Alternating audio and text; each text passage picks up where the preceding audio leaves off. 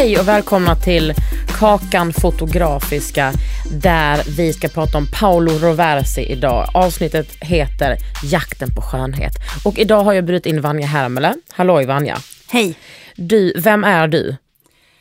Jag är um, en skrivande feminist och jag har jobbat i nästan tio år, över tio år förresten, med maktfrågor på kulturområdet, framförallt feministiska frågor. Vad coolt. Alltså jag, jag brukar experimentera med att svara väldigt olika på den här frågan. Ja. Men jag kände så att egentligen är jag ju genusvetare, men det känns så tråkigt att säga. Och så det, mest, det som jag mest ägnar min tid åt är att skriva. Och ibland säger jag att jag bara är feminist som yrke. Att jag det med. är det jag gör. Det är jättebra svar. Ja, vad bra. Okej, men du, vi har ju varit på Fotografiska och sett Paolo Roversis utställning. Mm. Och jag tänkte vi skulle börja med förväntningarna eh, som vi hade på den här utställningen. Mm, mm, mm. Vad hade du för förväntningar? Um, nej men jag försökte tvätta av dem så mycket som möjligt. Att gå in ganska öppen ändå i den här föreställningen, i den här utställningen. Mm. Men du visste att det var en, en utställning av en man som hette Paolo och eh, det var modefotografi som det gällde. Mm. Ja, och, men jag, för att, Vad hade du för förväntningar? Jag tänkte, för jag hade sett den här bilden liksom som, som de marknadsför utställningen med. Den här flickan som ser ut som att vara så ung tonåring och som tittar lite lätt oskyldigt men också lite lätt förföriskt in i kameran och hon är, ser ut att vara ganska naken. Jag hade nog tänkt mig någonting åt det där hållet. En väldigt så här västerländsk porträttering av eh, av passiva kvinnor. Ungefär det jag. Men sen så blir jag ganska förvånad.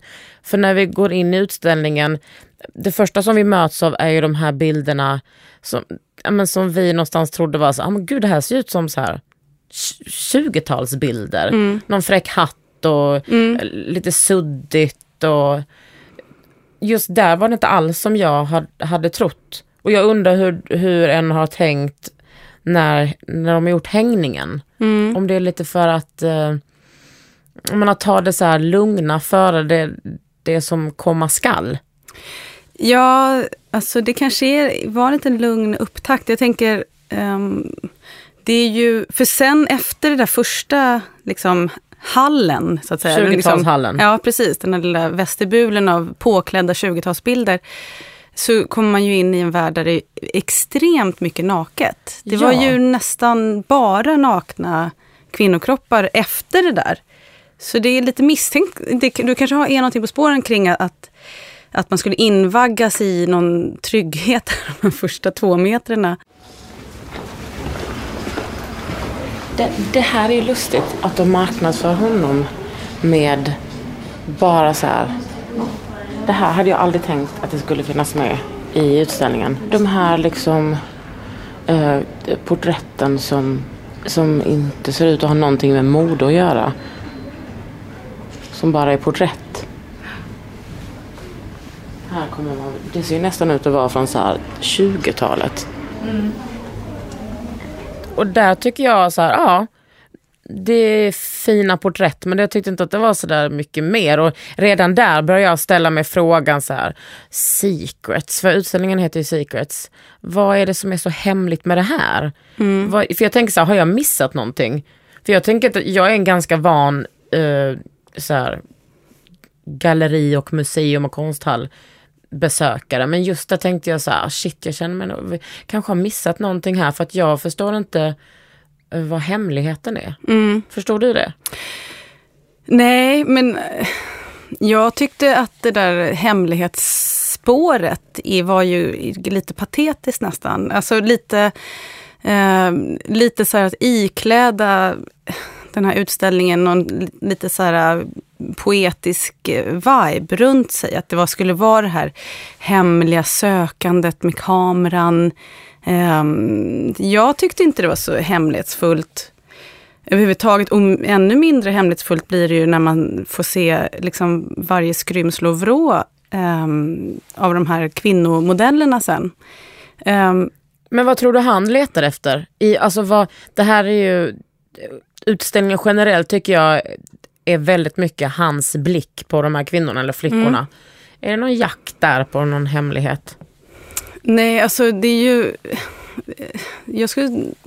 Nej, det tycker jag inte. Alltså jag tycker att det är eh, snarare tvärtom väldigt ohemligt. Mm. Alltså väldigt ohemlighetsfullt vad det är som händer. Och du säger att eh, hans blick är väldigt närvarande i den här utställningen och det är den ju verkligen. Och jag tänkte rätt mycket på eh, min roll som betraktare när jag, när jag gick in i utställningen då tillsammans med dig. Men, men liksom vem, vilken funktion jag fyller som betraktare av de här porträtterade eh, unga kvinnorna som ju liksom myllrade där inne.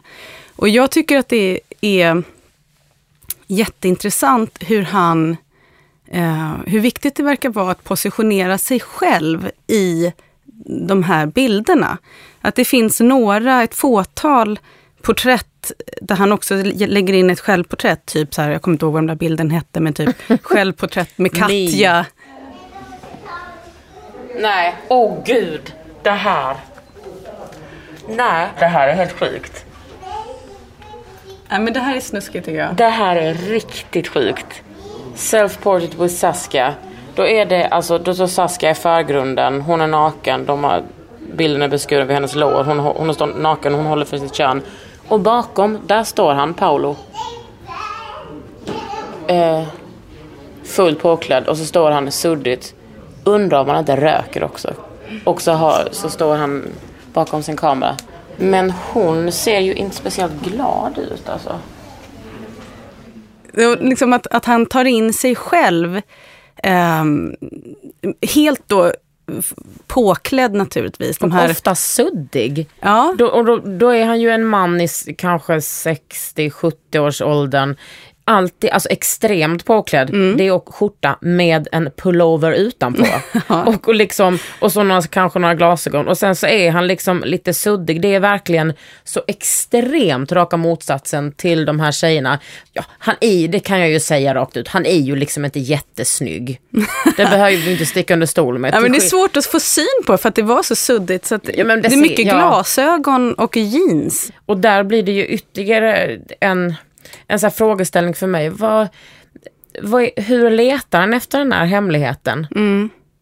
Det är någonting jag undrar. Mm. Men det, det, det, ja absolut. Uh, men jag, det, det tror jag inte vi kommer få något svar på. Men tror du han har svar på det då? Eh, nej men jag tror han bluffar med det. Jag tror han behöver hitta ett mystiskt eh, uh. ord för att beskriva vad det är han gör. Och, eh, och då får han säga att, att det är secrets. Och det är ju också dessutom lånat eller stulet från Diane Arbus som, som ju sa det där citatet allra först kring att ett fotografi, och översätter jag, är en hemlighet om en hemlighet. Mm.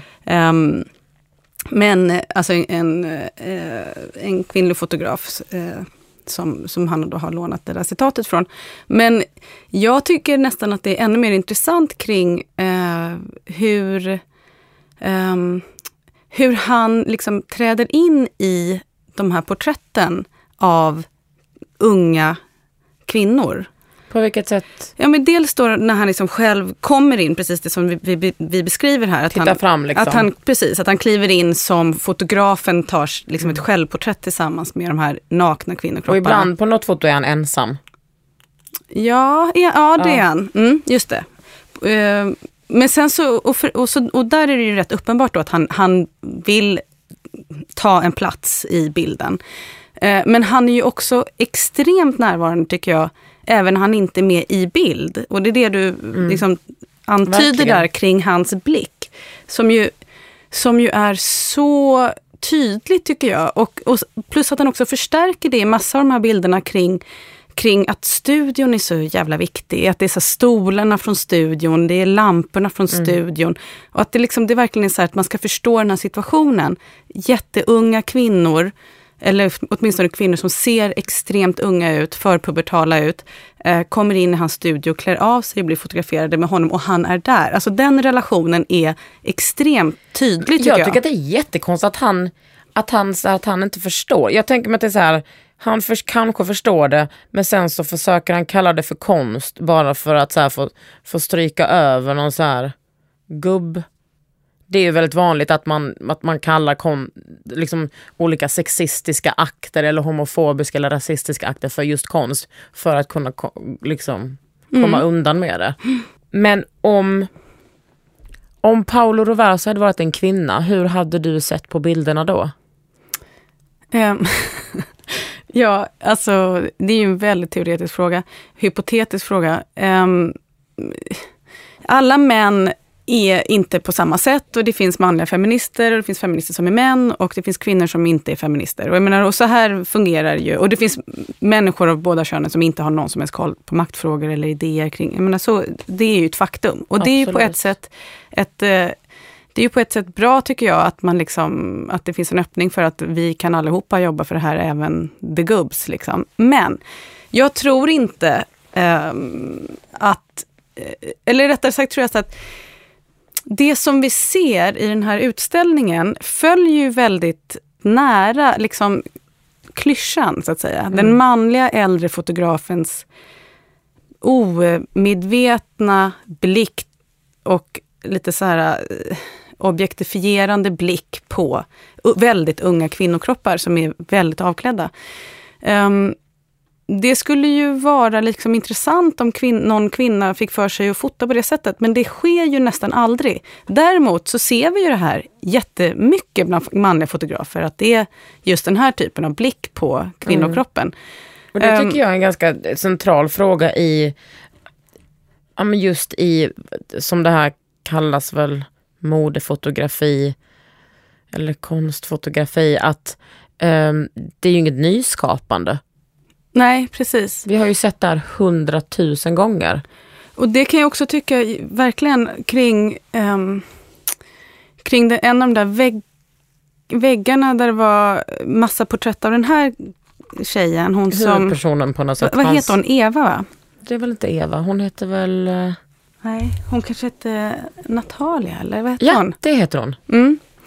Men det finns en, i utställningen finns en hel vägg med olika bilder på Natalia som är fotograferade under fem års tid tror jag det var, mellan 2004 och 2009 eller sånt där. Mm. 2003 till 2009. Um, ehm, det som är fascinerande är att hon är, uh, är helt naken och väldigt um, varje, hur många foton kan det varit? Det är kanske 25-30 bilder.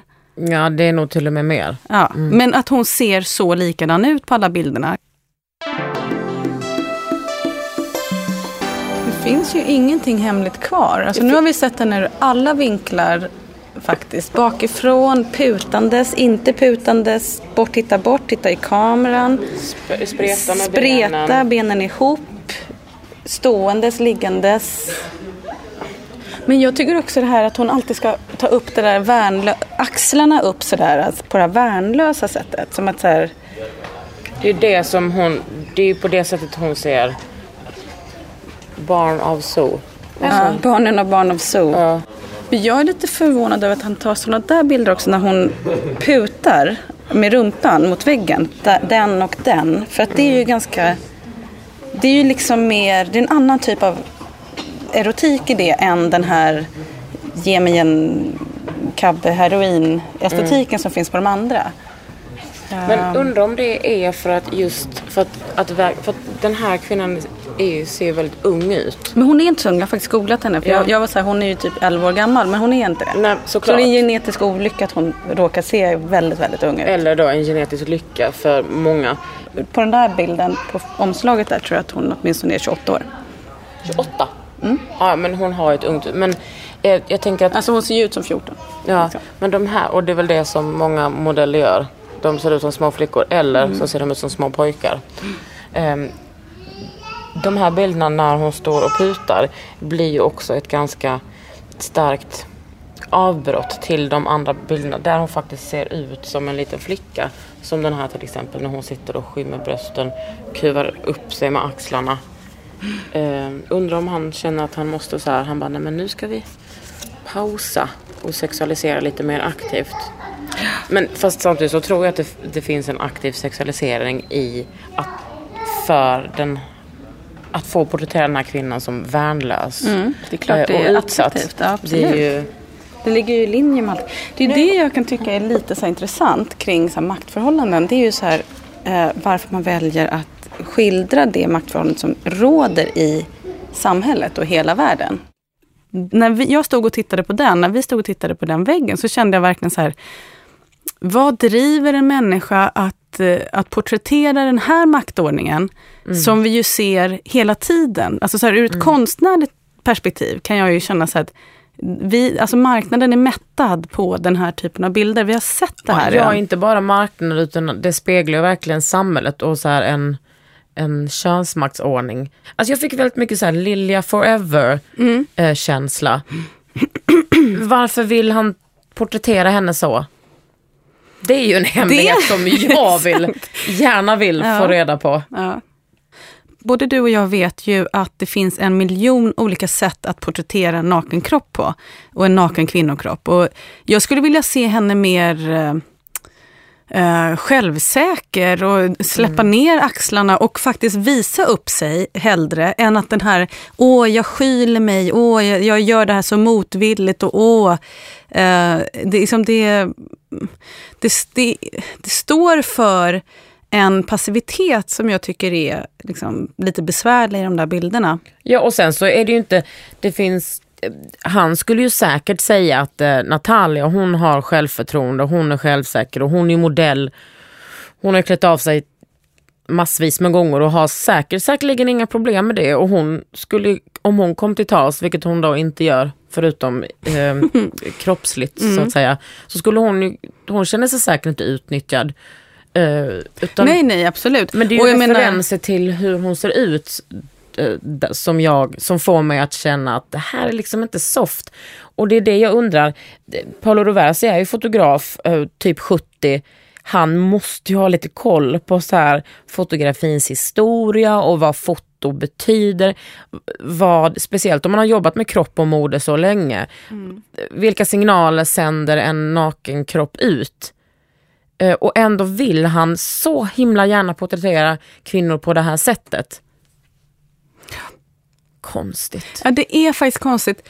Men jag tycker, och det tycker jag verkligen, men det du är inne på där, det tycker jag är viktigt att liksom faktiskt poängtera att, eh, ehm, att det finns inget sätt för en betraktare att veta hur jämställd eller starka de här kvinnorna är, eller eh, hur otroligt okej okay det här känns och sådär. För jag menar, det är inte det som vi tar ställning till, utan man tar ju bara ställning till bilden och vad den representerar i en liksom, konstnärlig och kulturell kontext. Absolut. Så att jag menar, jag, jag tror ju eh, att, jag menar, jag, jag vet inte vad de, dessa eh, kvinnor känner. Jag menar, de kanske inte känner sig objektifierade, men det är inte heller det som vi bedömer. Nej.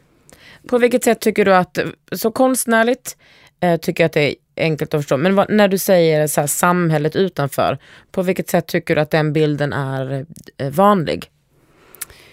Ja, alltså...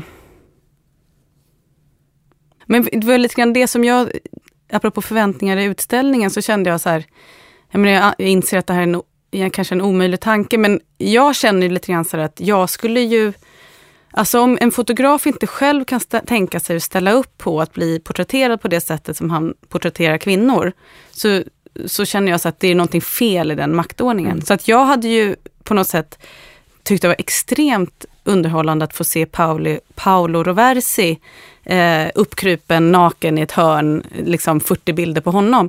Och anledningen till att, man, att han inte gör den, det fotot eller låter sitt självporträtt se ut på det sättet, eller eh, eller att man ens har sett sådana bilder på män egentligen, har ju att göra med vår eh, könsmaktsordningen i vårt samhälle. Um, men vi får, ju all, vi får ju aldrig se en annan bild. Jag känner liksom så här, men ge mig ett alternativ. Men tror du att eftersom eh, den normen är så, ska jag säga, reproducerad, vi är så himla vana vid att säga den att det blir enklare för människor att gå in på en, på en konstutställning, se de här bilderna se och tänka gud vad vackert istället för att tänka men vad konstigt varför, varför den här flickan som verkligen ser ut som kanske en 13-åring mm. och så ser väldigt utsatt ut. Vad är, vad är problemet? Snarare, snarare bara tycka att det är fantastiskt än att faktiskt kritisera den. Mm. Frågan är? är, är det enklare att tycka att det är vackert? Ja, alltså nu är jag på just att säga så här att man måste vara riktigt störd för att tycka att det där är vackert. Men så, ja men, men världen är ju störd. Men det, det ja, um, ja, att världen är störd, så är det kanske. Men jag känner ju um, jag känner ju också att det finns någonting så vansinnigt kapitalistiskt också i den här typen av porträtt. Som, det är så säljbart. Alltså fotografi överhuvudtaget är extremt säljbart. Och sen så ska man ha den här kvinnokroppen som en vara. Jag menar, det är ett modefotografi vi pratar om, men det finns ju i princip inga kläder Nej. överhuvudtaget med på, på bilderna. Och, utan kroppen har ju blivit liksom någonting som det går att sälja mode med, vilket ju kvinnokroppen i det här fallet. Um, jag tycker bara att det är väldigt intressant att jag, jag funderar på det där, för när vi var på utställningen så kände jag så här, jag, jag hade verkligen så mycket tankar och känslor kring min egen roll som betraktare. Så där, vad är min funktion? Vad gör jag? Uh, och, och de här flickorna, eller kvinnorna, eller vad man ska säga, Um, de tittar ju faktiskt rakt in i kameran ganska mycket. Mm. Um, vilket på något sätt skulle kunna tolkas, tycker jag, som en sån där... Uh, att de adresserar betraktaren sådär, hej, rakt på, jag tittar rakt in i kameran. Men hur tittar. känns det? Kändes det besvärligt? Um, nej men jag kände hela tiden som att de inte tittade på mig. Jag kände hela tiden att jag inte kunde skaka av mig det som man teoretiskt pratar om som den manliga blicken då, som ju är en sån här asgammal teori från 75 eh, kring att kameran är ställföreträdande manlig blick. Och att en kvinnlig betraktare får titta igenom den manliga blicken och ta på sig den manliga blicken. Och det kände jag var väldigt tydligt och väldigt verksamt. Den manliga blicken var väldigt verksam i den här utställningen. Jag kände verkligen att jag fick ta på mig eh, liksom Paulos jeansuniform, och eh, pullover och glasögon och bara titta på de här. Jag upplevde som att eh, det var ganska påtagligt faktiskt, att man fick, att jag blev en man, min blick blev kodad på ett annat sätt. Min, min blick blev också en manlig blick. Um, det är nästan oundvikligt tycker jag, med mm. de bilderna. Men så, så kände jag när vi var på väg ut ur utställningen så kom det in ett gäng besökare, eh, manliga besökare. Och jag vet inte om det spelar någon roll, men de var jävligt stora. liksom sådär, tre, fyra, fem män som kom in på utställningen och tog plats på ett sätt. Mm. Uh, och då blev jag ännu mer uh, intresserad kring rollen, betraktarens roll. Uh, och nyfiken på den. Och då kunde jag inte låta bli att liksom känna att jag ville liksom, att de här flickorna i den konstellationen blir väldigt värnlösa. Mm. Att det är en manlig fotograf som fotograferar den här eh, prepubertala kvinnokroppen som är så liten och vit och skör. Och så kommer det in manliga betraktare och tittar på den. Um, och att det finns ju teoretiska förklaringar eller idéer som, som skulle kunna beskriva det där, men det kändes verkligen som att den kroppen, den kvinnokroppen, flickkroppen blir en, en vara mellan manlig fotograf och manlig besökare. Mm. Och eh, liksom den, den transaktionen av liksom den här kvinnokroppen tyckte jag var extremt eh, eh, närvarande i utställningen och, och, och, faktiskt lite halvt obehaglig. Och man kan ju se, vi har ju den eh, transaktionen i vår kultur. Jag menar man tänker kring bröllopet, att en fader ger bort en dotter till, sin, till mannen. Jag menar den bilden har vi ju och eh, det ska ju också då vara romantiskt eller liksom härligt på något sätt. Att det är fint att pappa mm. ger bort mig till min man. Uh, det är, jag får ju liksom lite rysningar när jag tänker på det. Alltså vilken Av typ... härlighet får du Ja, exakt. Men eh, då tänkte jag att vi går in på så här, mode. Eh, liksom. Och eh, jag blev så provocerad av det här. Har du någon eh, illustration eller vad det heter? Jag tycker det är intressant hur helt opåklädda människor kan handla mode. Alltså helt nakna människor är mode. Ja men det är väl det som är grejen med, med kvinnokroppen. Den är liksom mode. Att den kan, bara man sätter upp en, så här, en smal tjej med sådana där pubertalbröst, sådana där små bröst. Mm. Så blir det liksom mode. Mm. Speciellt här. Universalknep. Även här när Ann-Katrin och Maria-Klara står och knäpper upp varandra. Då hade de i alla fall någonting att knäppa upp. Mm. Men det, det är ju verkligen intressant att, för när jag gick på den här utställningen så tänkte jag verkligen det här är en, det här är en modefotograf. Eh, och han säger ju själv att han inte gör någon skillnad på när han gör så editorials, när han gör de här stora modejobben för modetidningarna eller det här. För det här är mode, men de har ju för fan ingenting på sig. Hur kan det vara mode då? Mm. Nej, Alltså, det är en hemlighet. det är det där Det som finns är så många hemligheter. Nej men jag funderar på, jag tänker också på det som eh, den här guiden sa som vi sprang på. Att, eh, Precis när att, skulle gå ja. ja, att eh, andra fotografer berättar ju var bilderna har publicerats. Det här var Vanity Fair eller det här var det. Och jag, menar, ja, jag vet inte. Men han, han namnger dem bara efter de här kvinnorna som han fotograferar. Och det är hans sätt att förhöja dem tänker han eller? Eh, ja, det, det så, så skulle man ju kunna tolka det, men jag, jag är inne mer på det där spåret kring, eh, eh, alltså kring att eh, den, unga, den unga kvinnan också är en trofé. Mm. Ägandet. Ja, och att det är sådär att, eh, att det förhöjer honom faktiskt. Eh, jag menar som, som vi ju ser också i vår kultur, ehm, liksom den unga frun och vilken, vilken eh, statusförhöjning det är. Ehm, det är det, jag funderar lite Nu grann på tänker jag det. lite på mig själv. Ja. Exakt. Precis, jag känner Ja. mig träffad. Ja, nej, men det är viktigt att tänka på. Nej, men, eh, nej, men på något sätt känns det som att han, han framhåller liksom relationen till de här unga musorna som vi då Som har fått reda på att han kallar dem för. Ehm, och att det är, och att det är, ja att det är viktigt för honom på något sätt att det är den relationen och det är det jag tolkar hela den här romantiken kring studion och eh, att han själv kommer in ibland i vissa av de här porträtten. Ehm, för att det är, det, ge, det förhöjer hans status. Han är inte bara en 70-årig man utan han är en 70-årig man med tillgång till nakna unga Och det är flickor. liksom- Det är inte en naken tjej utan det är ju jättemånga. Mm. Och det, jag tänker att hade han fotat de här med kläderna på utan just det här, den sexuella blicken så hade det nästan kunnat vara som, åh det är liksom hans här, ja, låtsas döttrar eller någonting. Men det går ju liksom inte nu, det blir bara äckligt. Men jag tycker också att det är intressant för eh, när vi tittar på de där bilderna med kläder på. Mm. Alltså det var ju, en, det var ju ett fåtal, men det fanns ju några. Eh, Det som slog mig är hur otroligt tråkiga de bilderna var och hur Ja. dåliga de bilderna Ja, var. som jag sa, medieprogrammet 3F. Det är väldigt tydligt i den här utställningen tycker jag att kvinnokroppen i sig står för någonting och är liksom en vara. Jag tror, det är därför vi inte riktigt kommer förbi det där med om de är nakna eller inte. Jag menar mode har ju, eh, har ju en liksom, ska ju säljas och det är ju värden och liksom kapital i de här fotogra- fotografierna och jag tycker att det verkligen är jag ty- kan besväras över att man behöver eh, stå som mottagare, då, som, som publik eller besökare eh, av att få den här kvinnokroppen presenterad till mig som nästan som en vara. Eftersom det finns i- som, som, Ja, bara. men som en vara. Och det tycker jag är problematiskt i den här utställningen.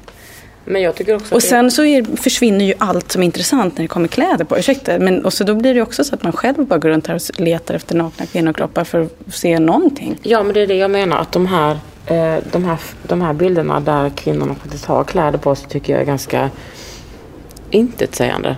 De här som ska vara någon slags Kasha 90, Kasha Paris 2007. Jag tycker inte att de säger så jävla mycket. Jag tycker inte att det är så intressant.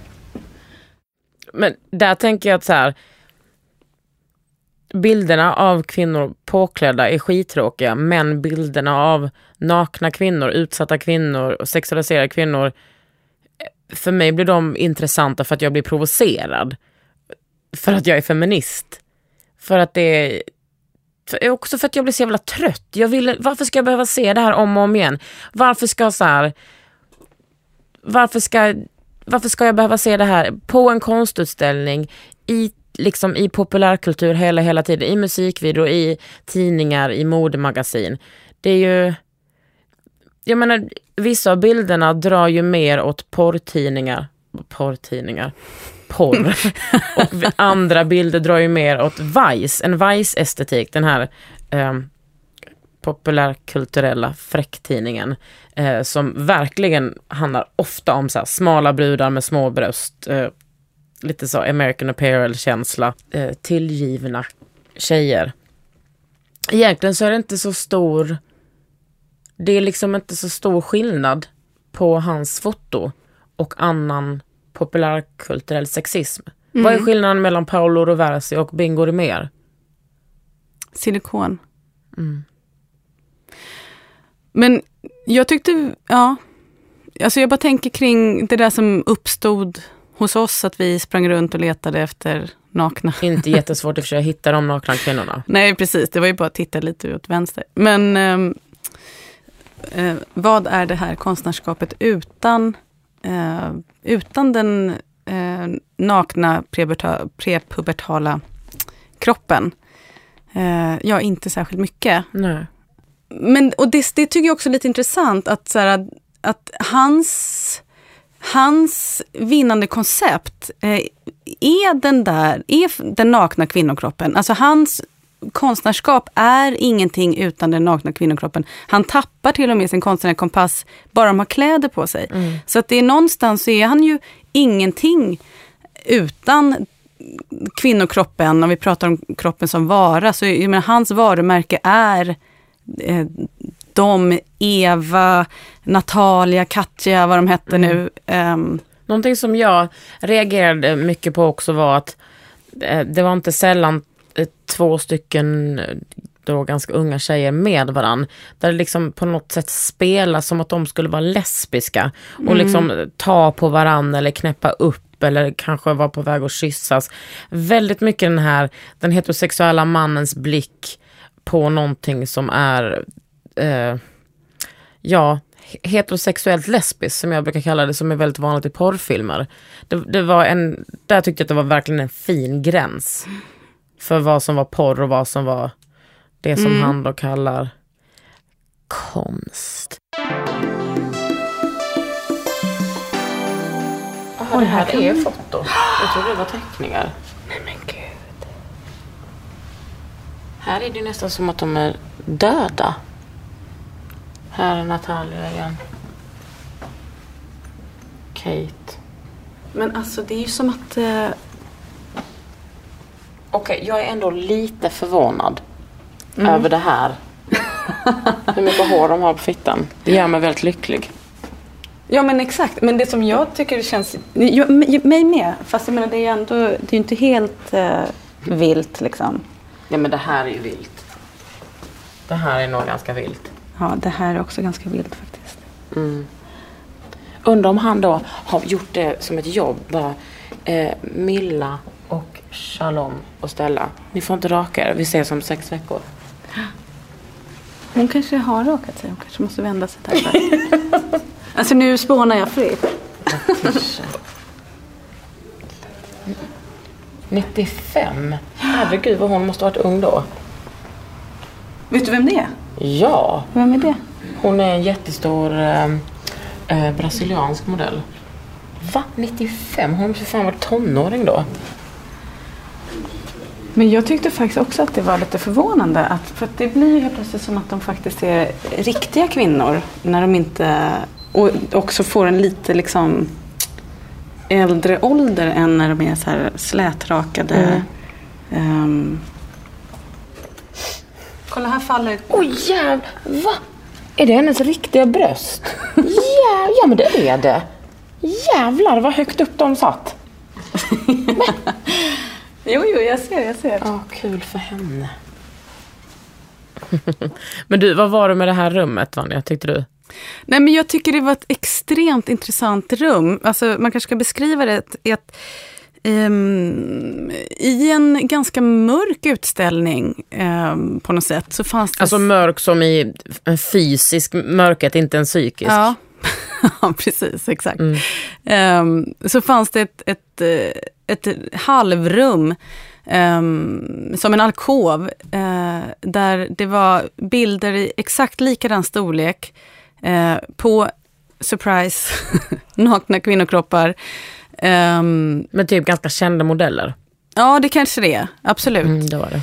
Eh, jag, mitt öga är inte tillräckligt uh, vasst för att se det. Men, men det som var så intressant var att fotona var exakt lika stora eh, och eh, de var fotograferade på ja, nästan exakt samma sätt. Alltså ståendes rätt upp och ner, tittandes rakt in i kameran. Och så var de utfrätta, så det var vit bakgrund och vit, vitt golv och kropparna var så mjölkvita så de nästan försvann. Ehm, Det var det som, som vi kommenterade att de såg så döda ut. Det fanns Ja. liksom inga, den enda kontrasten var liksom det här ja, men, strecket som visar att det var en kropp. mm. Och de, Och håret på muttan. ja precis. Det var ju det som, som gjorde att man förstod att det var någonting annat än ett vitt A4-papper nästan. Och jag tyckte det var intressant just eftersom han framhåller i intervjuer och sådär, jag menar inte för att man ska lyssna så mycket på vad konstnärer och modefotografer säger, utan kanske mer titta på bilderna. Men han säger i någon intervju där att, att relationen till modellen är så fruktansvärt viktig. Och att de är som skådespelare som bidrar med en energi och sådär. Hans musor. M- mus, musar och musor. Mm. Ehm, verkligen. Och ehm, jag tyckte bara var så intressant i den här inramningen. ehm, där man ju, eh, där, där den här kvinnokroppen blir eh, en sån utbytbar dussinprodukt. Att det är sådär, det är stora modeller säger du, men jag menar det är också så här, jag ser nästan ingen skillnad. Nej för de ser dem. exakt likadana ut. De är långa, supermagra. De flesta har små bröst. De är verkligen, för jag tänker bara på småfläckar när jag ser dem. Mm. Och sen så, och då, alltså det inbjuder tycker jag eh, till en betraktare eller som museibesökare att, att jämföra kvinnokroppar med varandra. Att, eh, jag menar till och med du och jag var ju sådär, ja men hon hade stora bröst och hon hade mer hår än hon. Alltså, det här att, eh, att man får den här lite dömande, värderande blicken också. Och en Ehm. sak som jag la märke till, eh, både i det lilla rummet men också överlag, var att han har bara använt sig av vita tjejer. Mm. Så västerländska och eh, östeuropeiska Mm. verkar det som. Det finns inte en enda woman of color med. Eh, det tycker jag är jävligt märkligt. Ja men det är klart att det säger någonting om liksom skönhetsnormer som han liksom reproducerar. Det, menar, det vore ju korkat nästan att säga någonting annat. Men däremot så kände jag lite grann så här, eh, också, nu när du sa det att det finns inga icke-vita kroppar representerade här, så kände jag så här, ja men, ja, det kanske är bra. Jag Ja, skulle det inte tänk- vilja mm, se en icke-vit kropp i det här sammanhanget. Det skulle bli så eh, eh, det skulle bli så obehagligt och utsatt på något sätt. Så att, jag menar, det är lite frågan, så här, vilka vill man se porträtterade på det här vara, sättet? Varför skulle det vara obehagligt med en woman of color? Nej men det är klart det inte skulle vara det. Nej, men men ur det, det perspektivet ja, menar men jag. ur det perspektivet, så, ur det här perspektivet tycker jag att det är en ganska, eh, det, det är en ganska övergreppsartad typ av gestaltning och jag önskar ingen den. Och jag vill Nej. inte se fler kvinnor in i den här ramen så att Man säga. vill inte eh, se en till woman of color vara en till vara. tänker Precis, Jag, som exakt. redan är utsatta. Vad gillar du med utställningen? Ehm, Du pratade ju någonting om att du var så förtjust i ljuset. ja. Gud vad roligt. Det är så otroligt vackert ljussatt sexism. Nej men... ehm, ehm, Mm. nej men jag vet inte. Jag kan tycka att det är vackert med ehm, svartvit, svartvitt foto. Alltså, eh, jag tycker att det finns man kan se, jag menar, nej, jag vet inte vad jag gillade riktigt. Men, eh, nej. Jo, men ljuset var väl bra. Jag, kan, jag pratade med några konstnärskollegor om den här utställningen som en av dem hade, hon sa att hon mådde skitdåligt när hon såg den och gick därifrån och var så jävla provocerad. Och så, så kände jag ju med. Men samtidigt sa hon så här, hon bara, fast jag tycker att det är bra att den visas. För att visa hur, så här, hur kvinnosynen ser ut, hur normen ser ut. Eh, fast samtidigt tycker jag så här, ja det är ju jättebra om man, om man har en inblick i eh, om man har liksom ett normkritiskt öga, då är det jättebra. Men nu ska jag vara fördomsfull, men de där fem gubbarna som var eh, på den där utställningen, eh, de kanske inte har ett normkritiskt öga. Vad fyller den här utställningen för funktion då? Nej men, är det inte så att, apropå kvinnokroppen som vara, alltså också ur en liksom lite mer strukturell, strukturellt perspektiv, så fyller väl den här fun utställningen funktionen att den säljer, den är extremt säljbar också som utställning. Mm. Att, um, att den bjuder in att komma och titta och titta på kropparna. Och, um, Det är lite kittlande. Ja, det kanske är... Alltså jag, Jo, tycker det, jag tror jag tror absolut det är det här är- intressant att veta hur det, liksom, Mm. hur det Jag tror landar. att det här är kittlande för många. Och sen tror jag också att det är många som tycker att det här är Åh vad vackert fotografi, att det är så vackert. Nakna kvinnokropp, att det är så vackert. Att det liksom helt okritiskt Mm. tittar på eh, konsten på det sättet. Men jag känner att jag hade eh, jag behöver liksom inte en till påminnelse om att vi lever i en sexistisk värld. Eh, jag behöver inte se, jag vet att prostitution är typ ett av världens största problem. Jag behöver inte se så här modeller som ser ut som 12-åringar se ut som att de ska, snart ska bli sålda eller ta en sil. Eh, jag känner inte mig i behov av den påminnelsen. Speciellt när jag inte tänk, tänker på några av några om, om några omständigheter att avsändaren vill att jag ska tänka det. Och men nu vet jag ju också att ehm, det funkar ju så att den här eh, utställningen är ju beställd för länge sedan och nu har ju Fotografiska en ny chef som är hardcore-feminist och hon har 2017 säger hon att då ska utställningarna vara 50-50 av eh, Kan det inte vara 70-30 då? Det är ju 70 procent män nu. Mm. Ja, jag tycker att det skulle kunna vara, vara det, men hon säger det. Det ska vara 50-50 2017. Och då tror jag säkert också att det kommer bli kanske en liten förhöjd kvalitet. Jo men så blir det, det, det, så, det, det kan man ju definitivt tänka sig.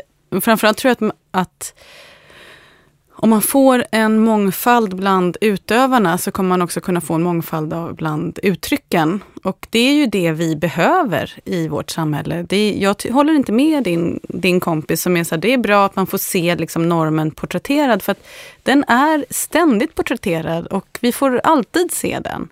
Ehm, jag tycker att det är jätteviktigt att vi, eh, att vi kan fundera kring vilka alternativ som finns. Och jag menar, det är bara, ja, det är klart att vi ska- ha andra utövare.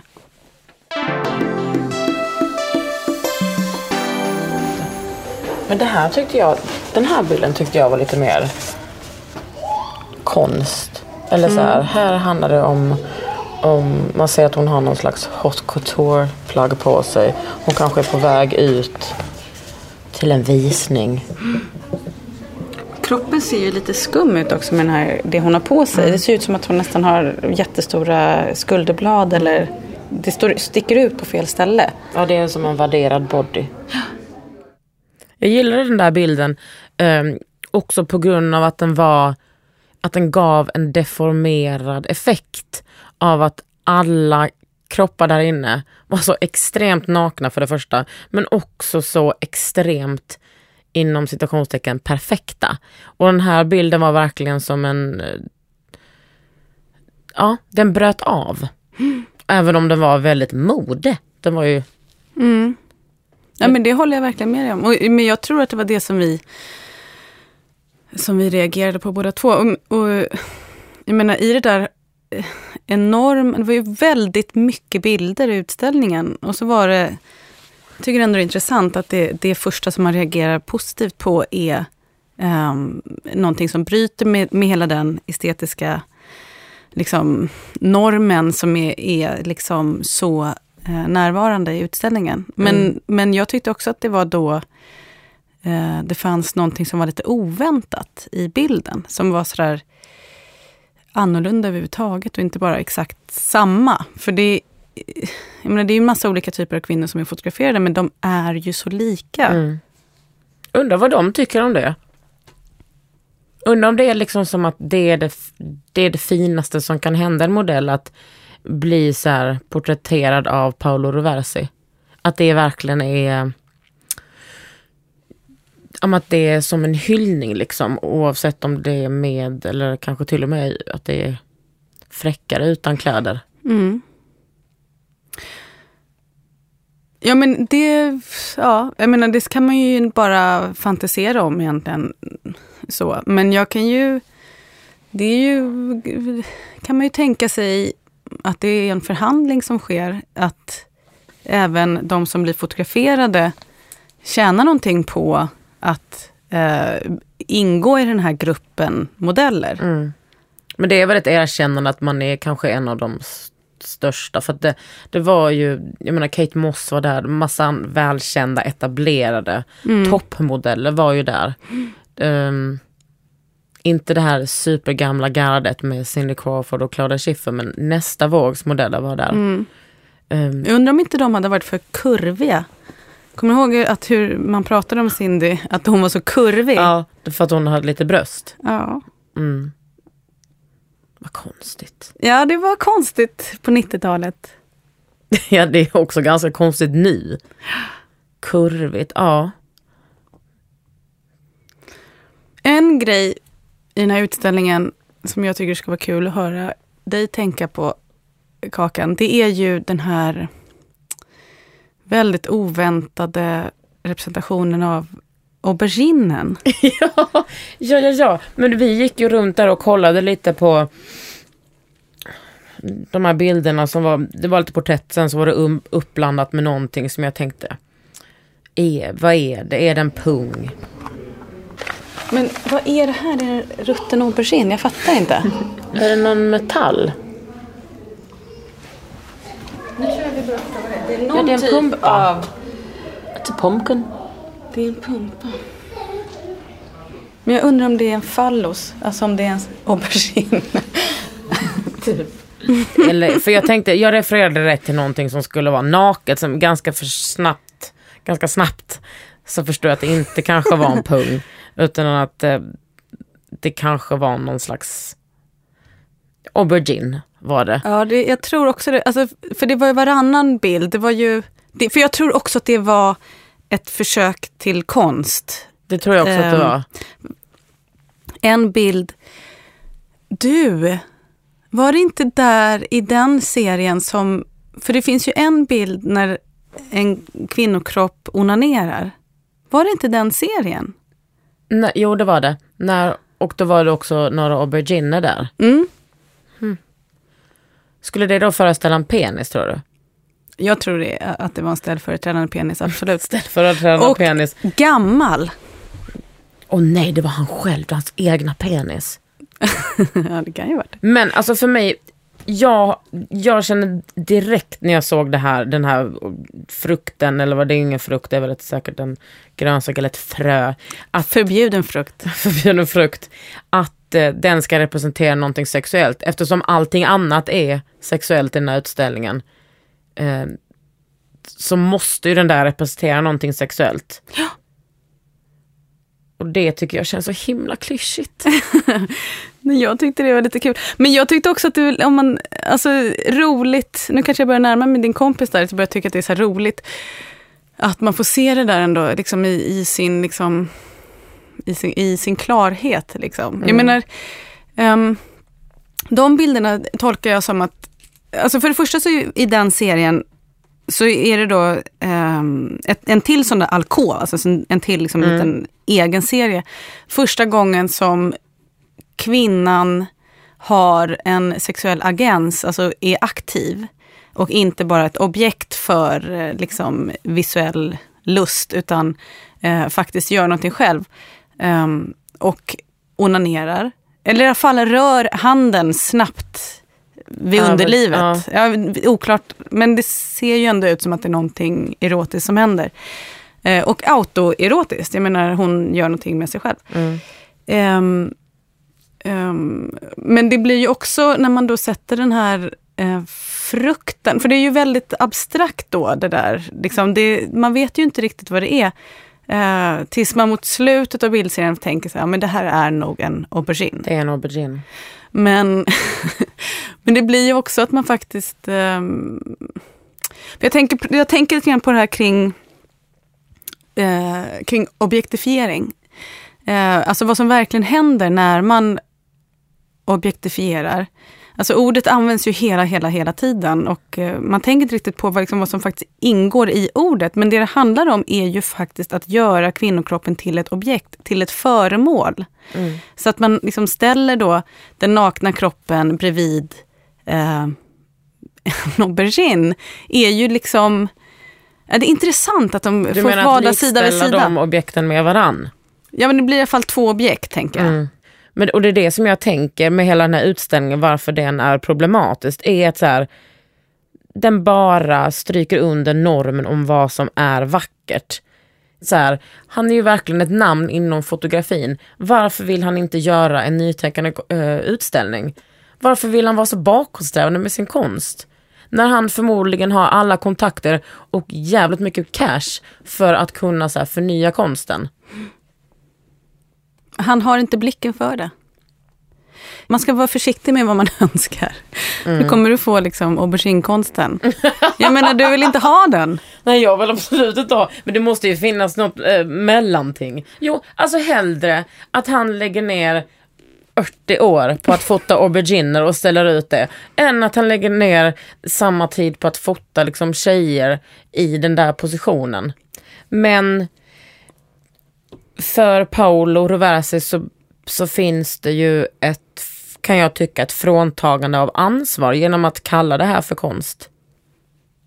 Men det tycker inte jag är någonting liksom särskilt nytt. Att, att eh, väldigt mycket grejer kan gömma sig i konsten och i, i liksom bakom sådana mystiska ord som poesi, hemligheter, mm. andlighet, eh, eh, romantik. Jag menar det finns ju massa eh, begrepp som ju, eh, ja, men, där man bara kan slänga in nakna kvinnokroppar hur mycket som helst. För att det är liksom romantiskt eller eh, det är poetiskt eller poetiska porträtt och sådär. Och, eller en heterosexuell alibi om män tar korten. Mm. Vad menar du med det? Nej men att det är liksom, eh, jag tänker att jättemycket för den här 70-åriga mannen så är det ett sätt att visa att han är så här, viril. Potent ja. ja. Det är så oerhört viktigt att han är en del av bilden. Mm. Um, det, det, det, är lite misstänkt uh, hur viktigt det är att han är där. Mm. Det är nästan som en hiphop-video. Man måste hela ja. tiden stryka under hur lite bög man är. Utan jag gillar verkligen uh, uh, röv och tuttar. Mm. Så jävla heterosexuell är jag. Och han, det är också roligt hur han hur han pratar om sin, sin fru eh, och säger att min fru är aldrig avundsjuk på mina musor men hon är avundsjuk på min kamera. Eller svartsjuk på min kamera. Mm. Och sen så kallar han sin kamera för sin älskarinna.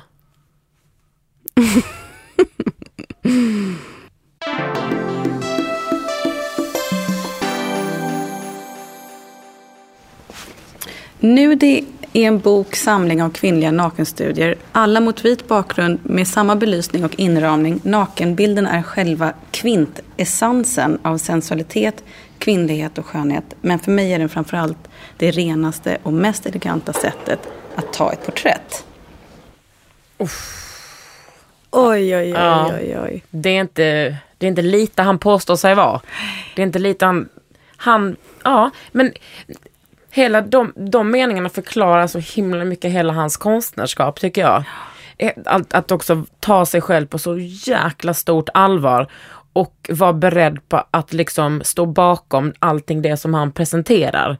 För där ligger ett riktigt stort allvar i att han kan verkligen, han kan verkligen presentera någonting som, som han själv tror på. Alltså så här, det mystiska, någonting som är bortom allt typ som en hemlig stor byggsten som allting är byggt på. Ja, det var ju väldigt mycket luddiga begrepp. Alltså sådana där begrepp som man inte ska, som nästan är svåra att ifrågasätta. Liksom, mm. Om det är mystiskt eller om det är, eh, eller om det är andligt eller bortom det andliga. Det är ju väldigt eh, det, var ju, det är väldigt mycket med, eh, luddighet i det, men jag tyckte det var jätteintressant att, att det är så han beskriver den där lilla delen som jag blev så fascinerad av i Mm. utställningen med de där vita kropparna som var nästan som skisser. Mm. Det var ju den, det som man beskrev som ett, eh, det bästa sättet att göra ett porträtt på. Ehm, Och då, då pratade han liksom om, om andeväsen, om andar. Och mm, då kan jag ju på något sätt förstå det. För att det första vi sa var ju att de såg döda ut. mm, Och då, ja, det förstår ju jag.